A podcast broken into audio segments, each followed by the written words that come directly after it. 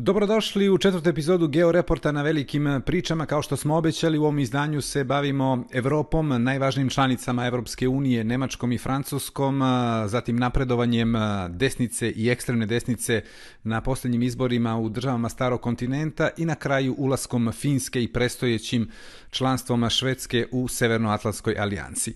Krećemo od Nemačke i presekom stanja u Saveznoj republici. Naime, pandemija, ruska invazija na Ukrajinu i sve zaoštreni odnosi između Sjedinjenih američkih država i Kine primorali su vlasti u Berlinu, ali i celo nemačko društvo da počnu da razmišljaju o poziciji njihove zemlje u Evropi i u svetu i koju ulogu bi trebalo da igraju.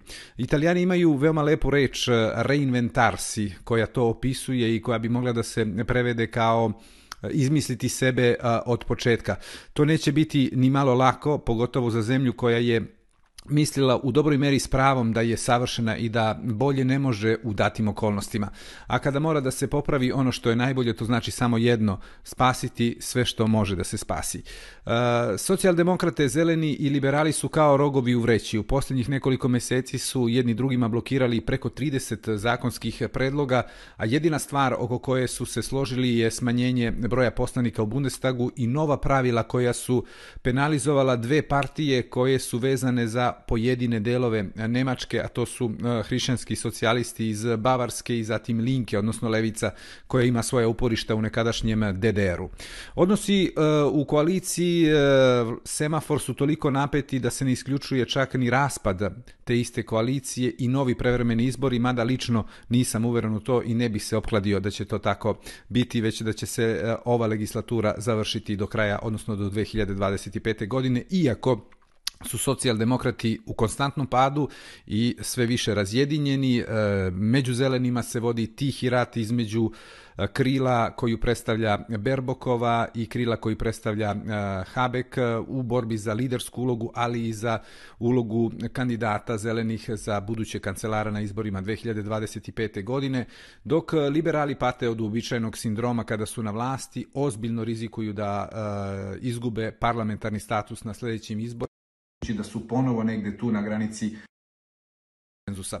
Scholz nastavlja da drži veoma inspirativne proevropske govore, međutim e, od tih njegovih reči na delima se ne vidi gotovo ništa ili upravo ništa. Ni posle godinu dana na vlasti i malo više, mi i dalje ne znamo da li je Scholz stoik ili slabić. Zašto je Nemačka između Čekića i Nakovnja, odnosno između Sjedinjenih američkih država i Kine. Najteži odgovor eh, koji kancelar Olaf Scholz mora da daje upravo na ono pitanje na koje on ne bi želeo da da odgovor što je duže moguće, a to je da izabere između Vašingtona i Pekinga. E, imaju pravo američki geopolitički analitičari koji podlače da svaki put kada Nemačka pokuša da utekne istoriji, istorija je ščepa protiv njene volje i ne da joj da se izmigolji.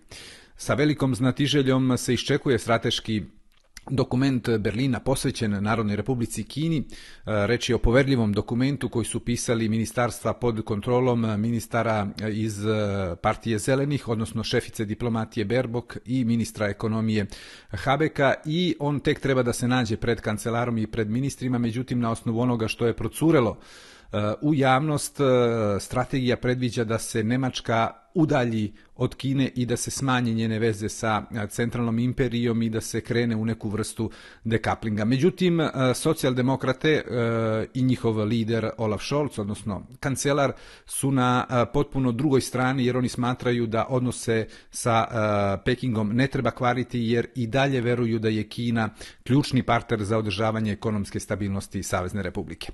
Ruska invazija na Ukrajinu i skretanje Kine ka totalitarnoj diktaturi su kao i njeni imperialistički e, ciljevi i zatim ambicije koje je pokazala nedvosmisleno u poslednjih nekoliko meseci e, su suzili praktično manevarski prostor Nemačke.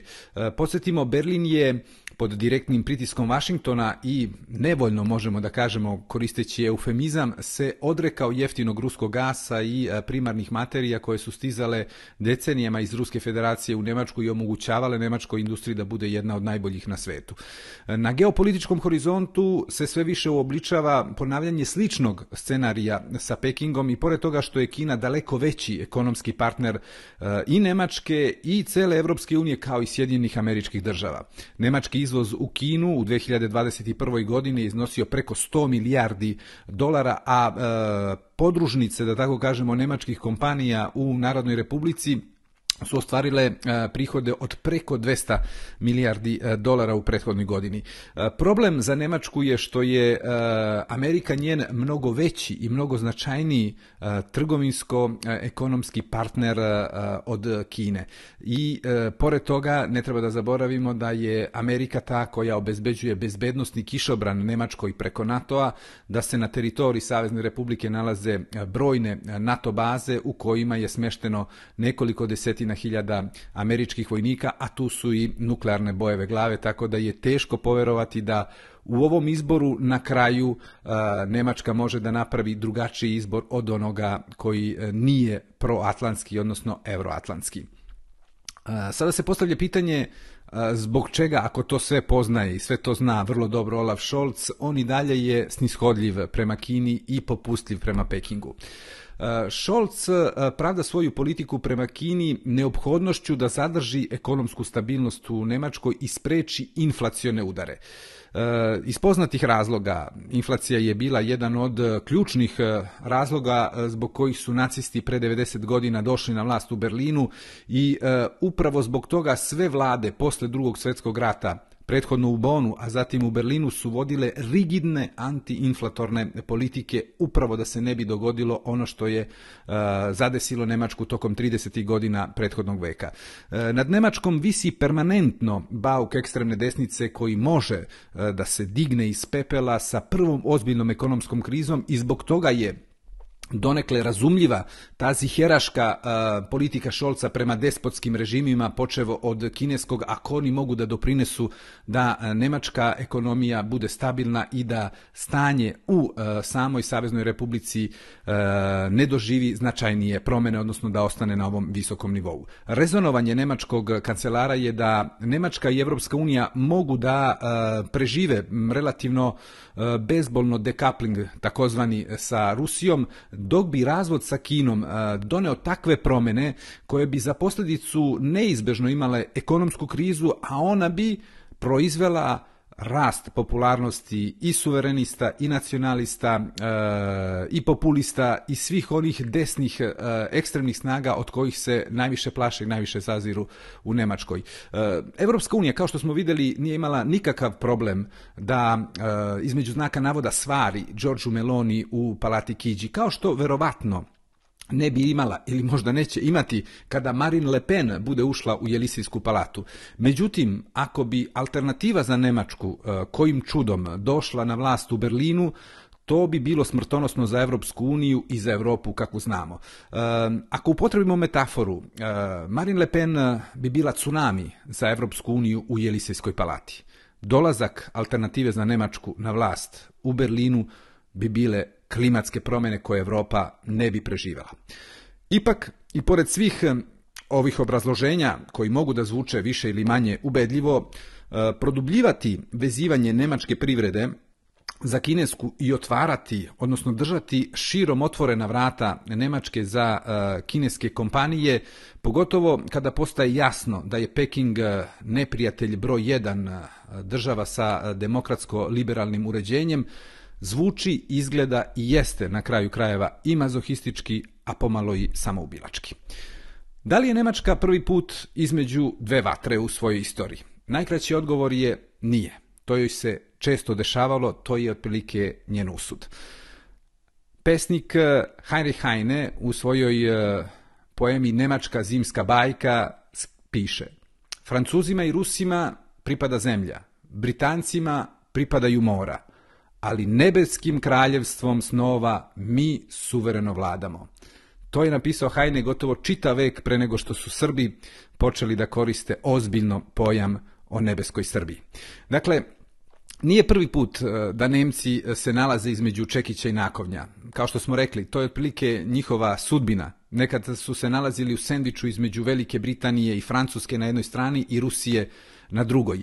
Logičan odgovor Berlina u ovom kontekstu je da izabere evroatlantsku stranu, odnosno da izabere Evropu pod američkim kišobranom, jer kao što je rekao Indro Montanelli, veliki italijanski novinar, NATO kišobran jeste bušan, ali mi nemamo bolji na raspolaganju. E, današnja Evropska unija se ne razlikuje mnogo od Nemačke e, preujedinjenja u 19. veku i iskustvo Bizmarkove Nemačke, odnosno drugog rajha, bi i tekako mogao da posluži današnjim evropljanima u potrazi za svojim mestom u svetu oživelih i sve agresivnijih imperija. Da li u Nemačkoj postoje secesionističke težnje? Istorija nas uči e, da Nemci u krizama ne traže samo izlaz u partijama krajnje levice i krajnje desnice, već i u lokalnim e, polunacionalnim identitetima koji su ustuknuli u poslednjih e, nekoliko decenija, možda i sto godina pred nemačkim od bavarskog preko saksonskog do pruskog, ali su oni i dalje tu prisutni.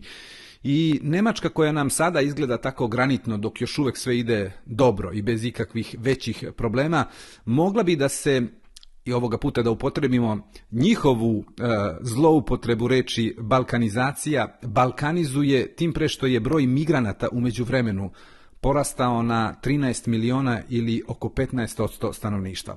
E, paradoksalno, ujedinjenje Nemačke e, nije učvrstilo nacionalnu koheziju. Naprotiv, ono je proizvelo još veće podele unutar nemačkog društva koje su porasle poslednjih godina. Prusi, Bavarci, Saksonci, Švabe, izraženi lokal patriotizmi u nekadašnjim gradovima, državama ili gradovima e, Hanzeatske lige su ponovo podigli glavu. Nisu naravno toliko jaki, osim onog bavarskog koji je svuda prisutan i sve prisutan uh, u toj, u toj državi koja se i dalje tako zove, je mnogo manje monolitna, i to je činjenica, nego što se to čini spoljnim, pogotovo površnim posmatračima. Izvozi li Nemačka svoju nestabilnost u Evropsku uniju? I tu je odgovor, nažalost, pozitivan. Nemačka raštimovana i posvađana vladajuća koalicija reflektuje svoje probleme i nestabilnost na Evropsku uniju. Nepomirljivi stavovi socijaldemokrata, zelenih i liberala oko ekonomije i ekologije, ali i u drugim sferama, unose konfuziju u institucije Evropske unije. Jer jedno je kada Poljska ili Mađarska ili neka druga manja zemlja blokira u posljednjem e, koraku donošenje važnih odluka u Evropskoj uniji kako bi ostvarila neku ličnu čar ili neki nacionalni interes, a sasvim drugo kada iz Berlina dolaze kontradiktorni signali i kada je Berlin taj koji blokira određene procese koji su izuzetno važni za Evropsku uniju. U nedostatku evropske vizije i dalekovidih e, vlada i lidera Nemačka, ali i Francuska u poslednje vreme, nažalost, sve češće su zagledani u svoj vlastiti pupak i stavljaju njihove nacionalne interese ispred evropskih. E, takav pristup, kao što smo rekli malo pre, mogu da imaju zemlje poput Poljske, Mađarske ili nekih drugih istočnoevropskih ili e, severnoevropskih zemalja koje nemaju tu vrstu snage, tu vrstu specifične težine, ali e, na srednji i dugi rok takvo ponašanje Nemačke i Francuske donosi štetu svima celoj Evropi, uključujući i samu Saveznu republiku i Petu republiku. Oslabiti Evropsku uniju zbog nacionalne šičačijske politike ne vodi ka srećnom kraju. Naprotiv, e, ono jača e, krize i na duge i na srednje čak staze e, donosi velike, velike probleme. Francuska i Nemačka, dva kreveta za jedan san ili jedan krevet za dva sna. Nemačka strateška, odnosno nema strateške autonomije Evrope bez sintonije između Nemačke i Francuske. Macron i Scholz će morati e, u što kraćem vremenskom roku da e, dogovore ili barem usklade e, svoje pozicije oko zajedničke odbrambene politike, oko kupovine oružja, oko upotrebe francuske force de frappe, odnosno nuklearnog arsenala Pariza, evropsku taksonomiju, migrantsku i energetsku politiku, zatim evropski javni dug koja treba da postane neka evropska verzija Hamiltonovog momenta i tu govorimo o prvom američkom sekretaru financija koji je sa stvaranjem zajedničkog duga kreirao preduslove za federalizaciju tek nastalih Sjedinjenih američkih država i zbog toga su Sjedinjene američke države tako danas ujedinjene upravo zahvaljujući stvaranju zajedničkog duga i zato se to zove Hamiltonov moment. U prevodu, Nemačka će morati da skine svoju e, pacifističku i merkantilističku uniformu koju je do sada ponosno nosila, krijući se dakle iza nje, e, ne samo na rečima, već e, i na delima, ne samo na obećanjima, već na konkretnim potezima. A Francuska je u obavezi da sprovede reforme koje odlaže već dugo, dugo vremena i Macron je upravo nešto počeo da radi po tom pitanju, o čemu ćemo govoriti za nekoliko minuta. E, definicija e, francuskog istoričara André e, Fontana, jedan krevet za dva sna, sublimira opis nemačko-francuskih odnosa. Jedini krevet u kojem je moguće da sanjaju svoje snove Berlin i Pariz je Evropa. I da bi ti snovi funkcionisali, on mora da bude jedan, a ne dva. Uh, jer nema nikakve sumnje da su uh, Adenauer i de Gaulle, baš kao i Destaine i Schmidt, uh, Mitterrand i Kohl ili Chirac i Schroeder, znali da Francuska i Nemačka imaju kapacitete E, vizije, interese, ekonomije koji su različiti i da se ne poklapaju uvek, ali su isto tako znali da samo zajedno mogu da prosperiraju. E, bez federalne Evropske unije Francuska i Nemačka su osuđene na marginalizaciju, geopolitičku periferiju i na kraju priče irelevantnost, a to nije dobar scenario ni za jednu evropsku državu, ne računajući naravno Veliku Britaniju i Rusiju i Tursku, bikontinentalne zemlje koje se sve manje osjećaju evropskim, a sve više azijskim.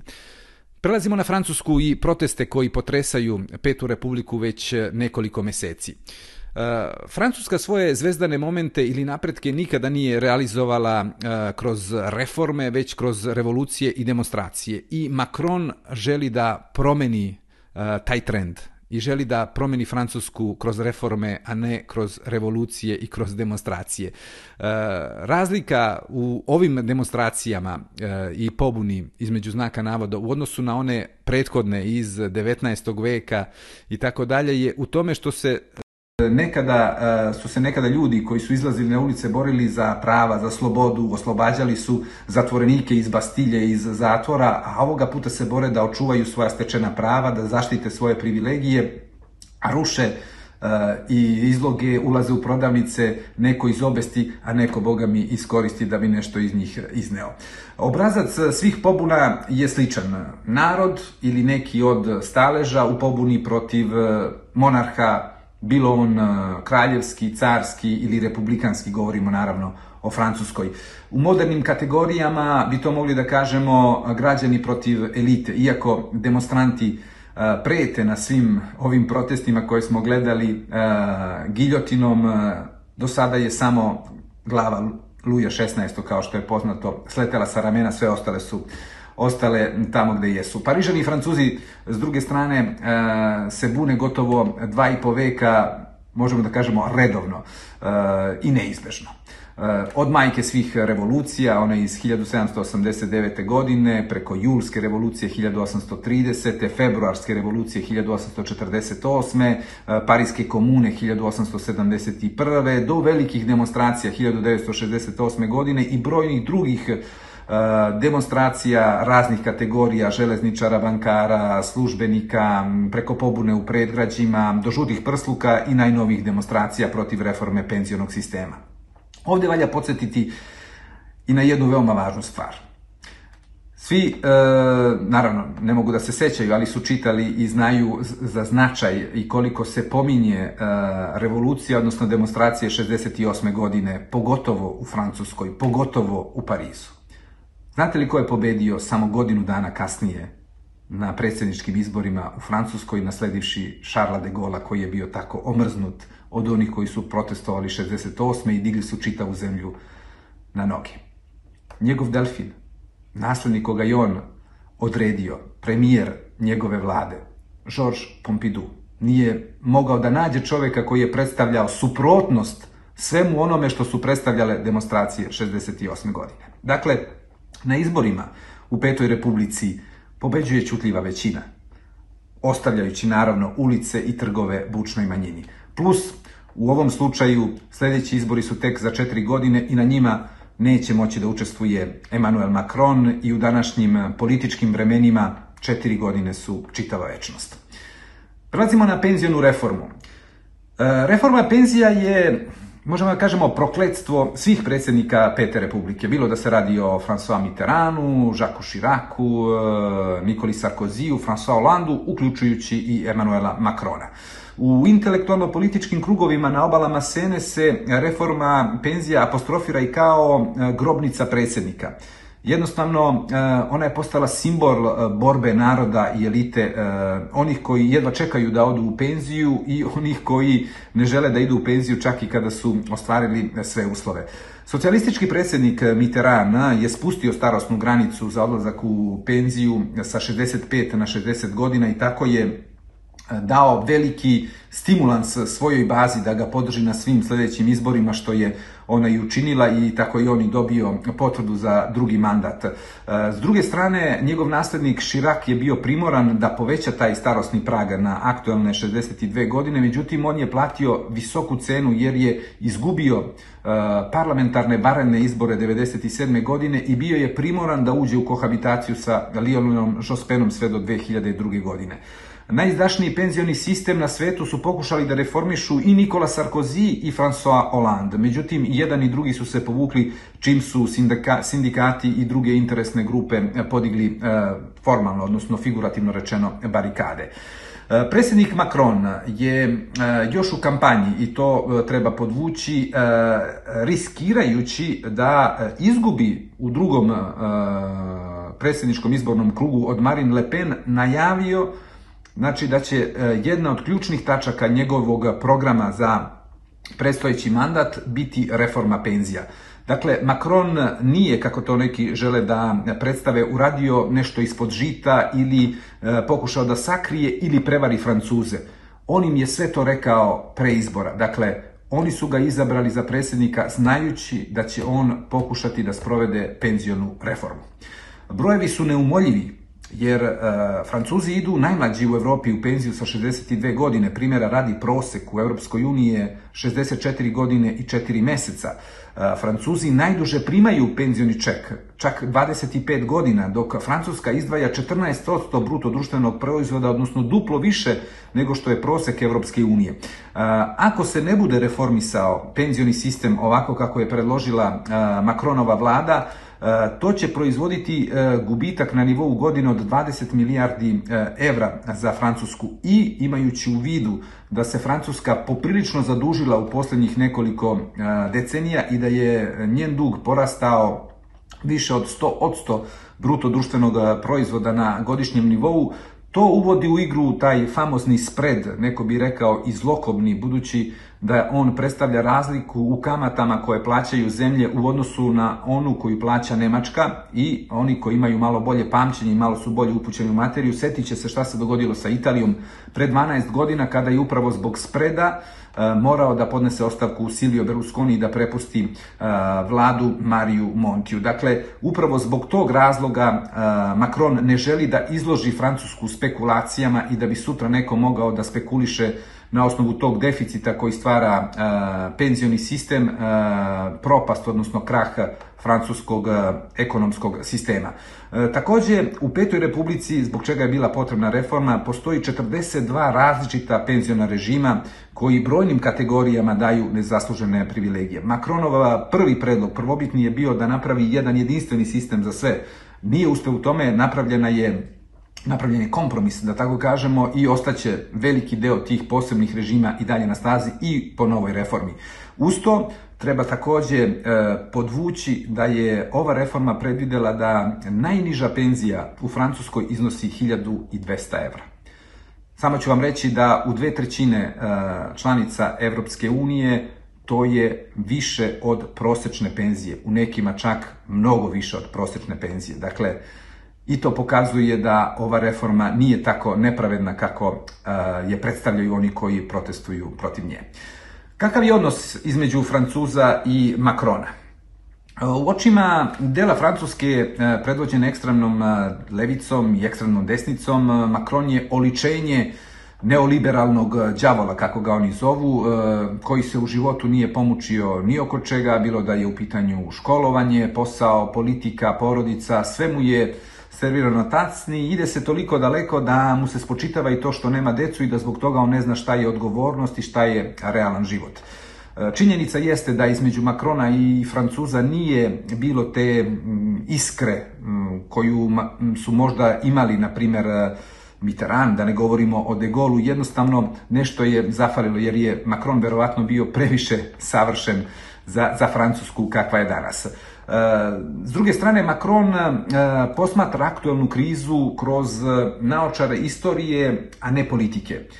Pošto mu je ovo poslednji mandat, njega više ne interesuje mesto, njega više interesuje u stvari mesto u istoriji i status državnika u budućim razmišljanjima i u budućim ocenama Eh, francuskih građana, nego politički interes u ovom momentu i eventualna dobit koju bi mogao da ima on i njegova partija. Drugim rečima, Macron želi da vidi eh, rezultate svojih odluka na proveri istorije, a ne birača jer eh, za četiri godine on neće moći da učestvuje u predsjedničkoj trci i tako da njega mnogo više interesuje da on uđe u čitanke kao državnik koji se nije E, brinuo o ličnim ili partijskim interesima, već o nacionalnim državnim interesima i o interesima svih Francuza i da je se po tome razlikovao od svojih prethodnika. Francuski predsednik dakle, ima još četiri godine u Jelisejskoj palati. Nema pravo, kao što smo rekli, da se treći put e, kandiduje i njegov e, idealni naslednik bi bio Eduard Filip, e, prilično respektabilan i pozitivno ocenjeni bivši premijer Francuske i aktuelni gradonačelnik Avra. Međutim, on nije dobrog zdravlja, i mogao bi da ispadne iz predsjedničke trke pre nego što ona počne. To je veliki problem, jer na horizontu Eh, u ovom momentu nema drugog kredibilnog kandidata za eh, taj deo francuskog eh, biračkog političkog tela koje ne pripada niti ekstremnoj desnici Marine Le Pen, niti ekstremnoj levici Jean-Luc Mélenchona. I kad govorimo već o Mélenchonu, Da, da kažemo samo da eh, je on za francusku levicu dva puta veća pošast nego što je to bio eh, Britanac eh, Jeremy Corbyn za, za laburiste.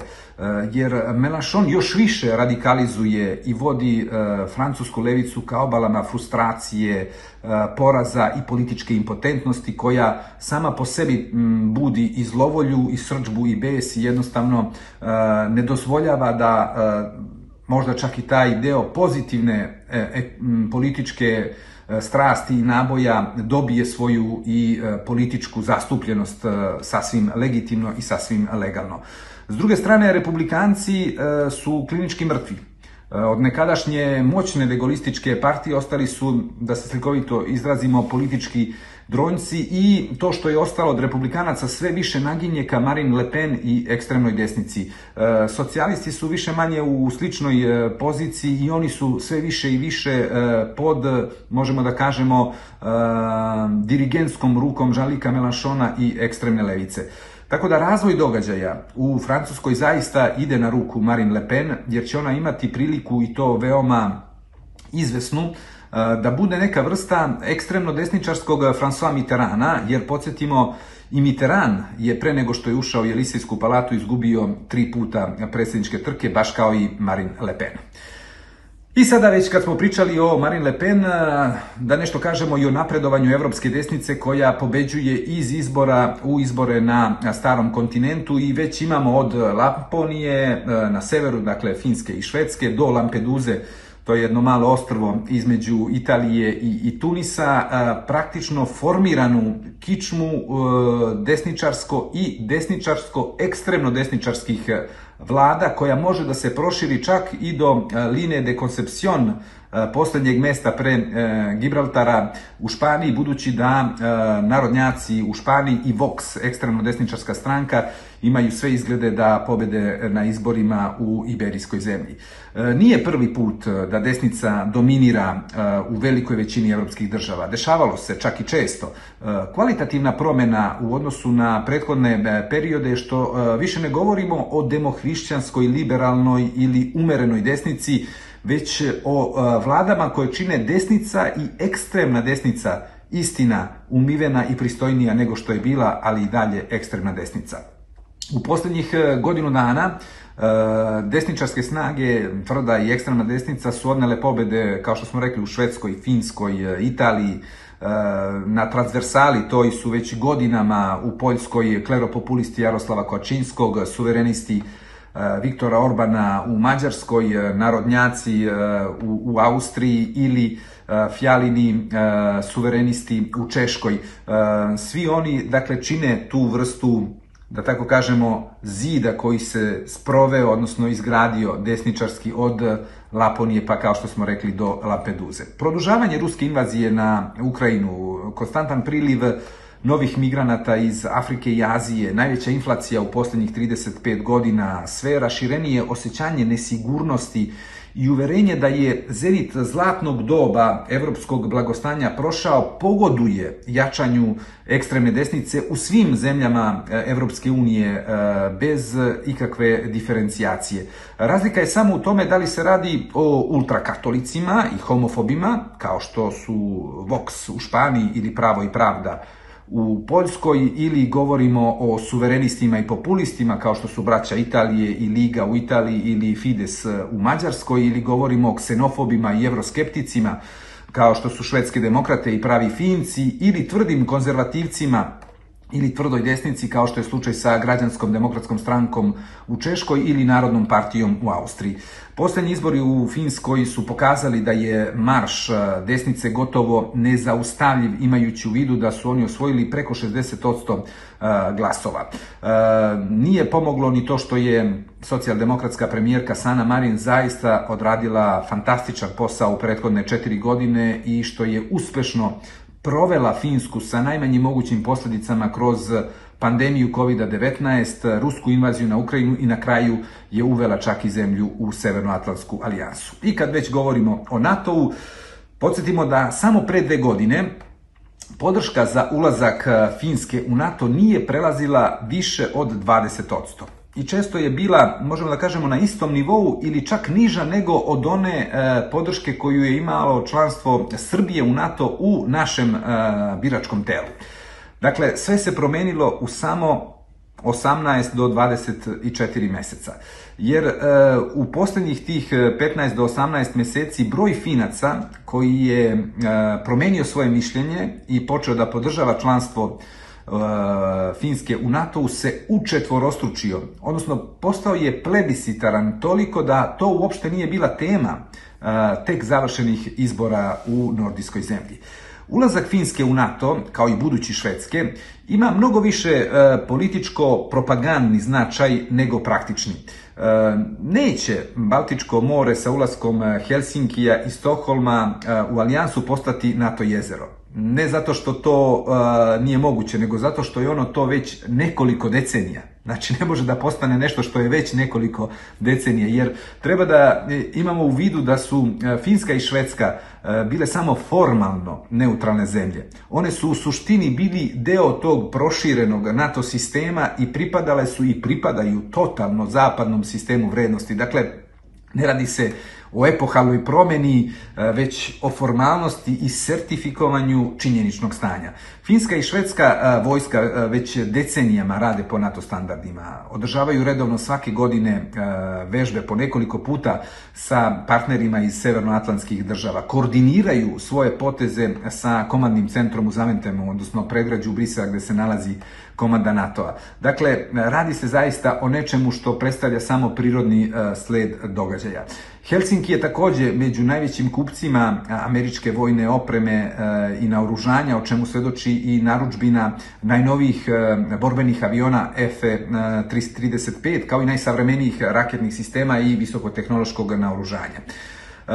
S druge strane, Najveća briga Moskve se odnosi na planove Vašingtona za Finsku, odnosno da li će, kao u slučaju pribaltičkih republika, Amerika voditi obazrivu politiku u smislu da ne konstruiše permanentne baze sa rotacijom vojnika iz država saveznica na teritoriji pribaltičkih republika, odnosno da ne postavlja nikakve borbene sisteme protivraketne i bilo kakvo e, drugu vrstu e, ofanzivnog ili defanzivnog naoružanja, kao što se zna u Poljskoj, Češkoj i Rumuniji se nalaze ključni e, raketni e, sistemi i defanzivni sistemi e, NATO-a.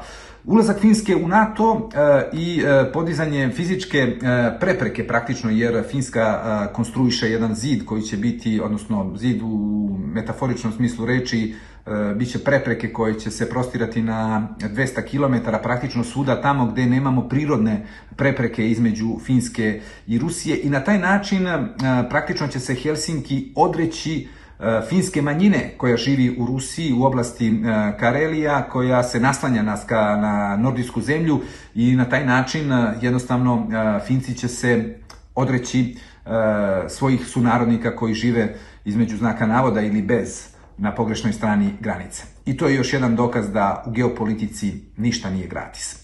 Bilo bi to sve za ovaj put. Za sledeći sastanak vam najavljujemo veliku priču o Velikoj Britaniji, o Škotskoj, i takođe od 25 godina od e, uskršnjeg e, mira kojim je okončano e, višedecenijsko, e, višedecenijski sukobi u Severnoj Iskoj između katolika i protestanata i razmatraćemo ideju da li ćemo doći u poziciju da Engleska, odnosno London, koji je samo koliko pre 70 godina odlučivao i delio Indiju i Pakistan, sada jedan Indijac i jedan Pakistanac mogu da odluče o sudbini Velike Britanije. O svemu tome u novom nedeljniku i u našem novom podcastu. Do gledanja.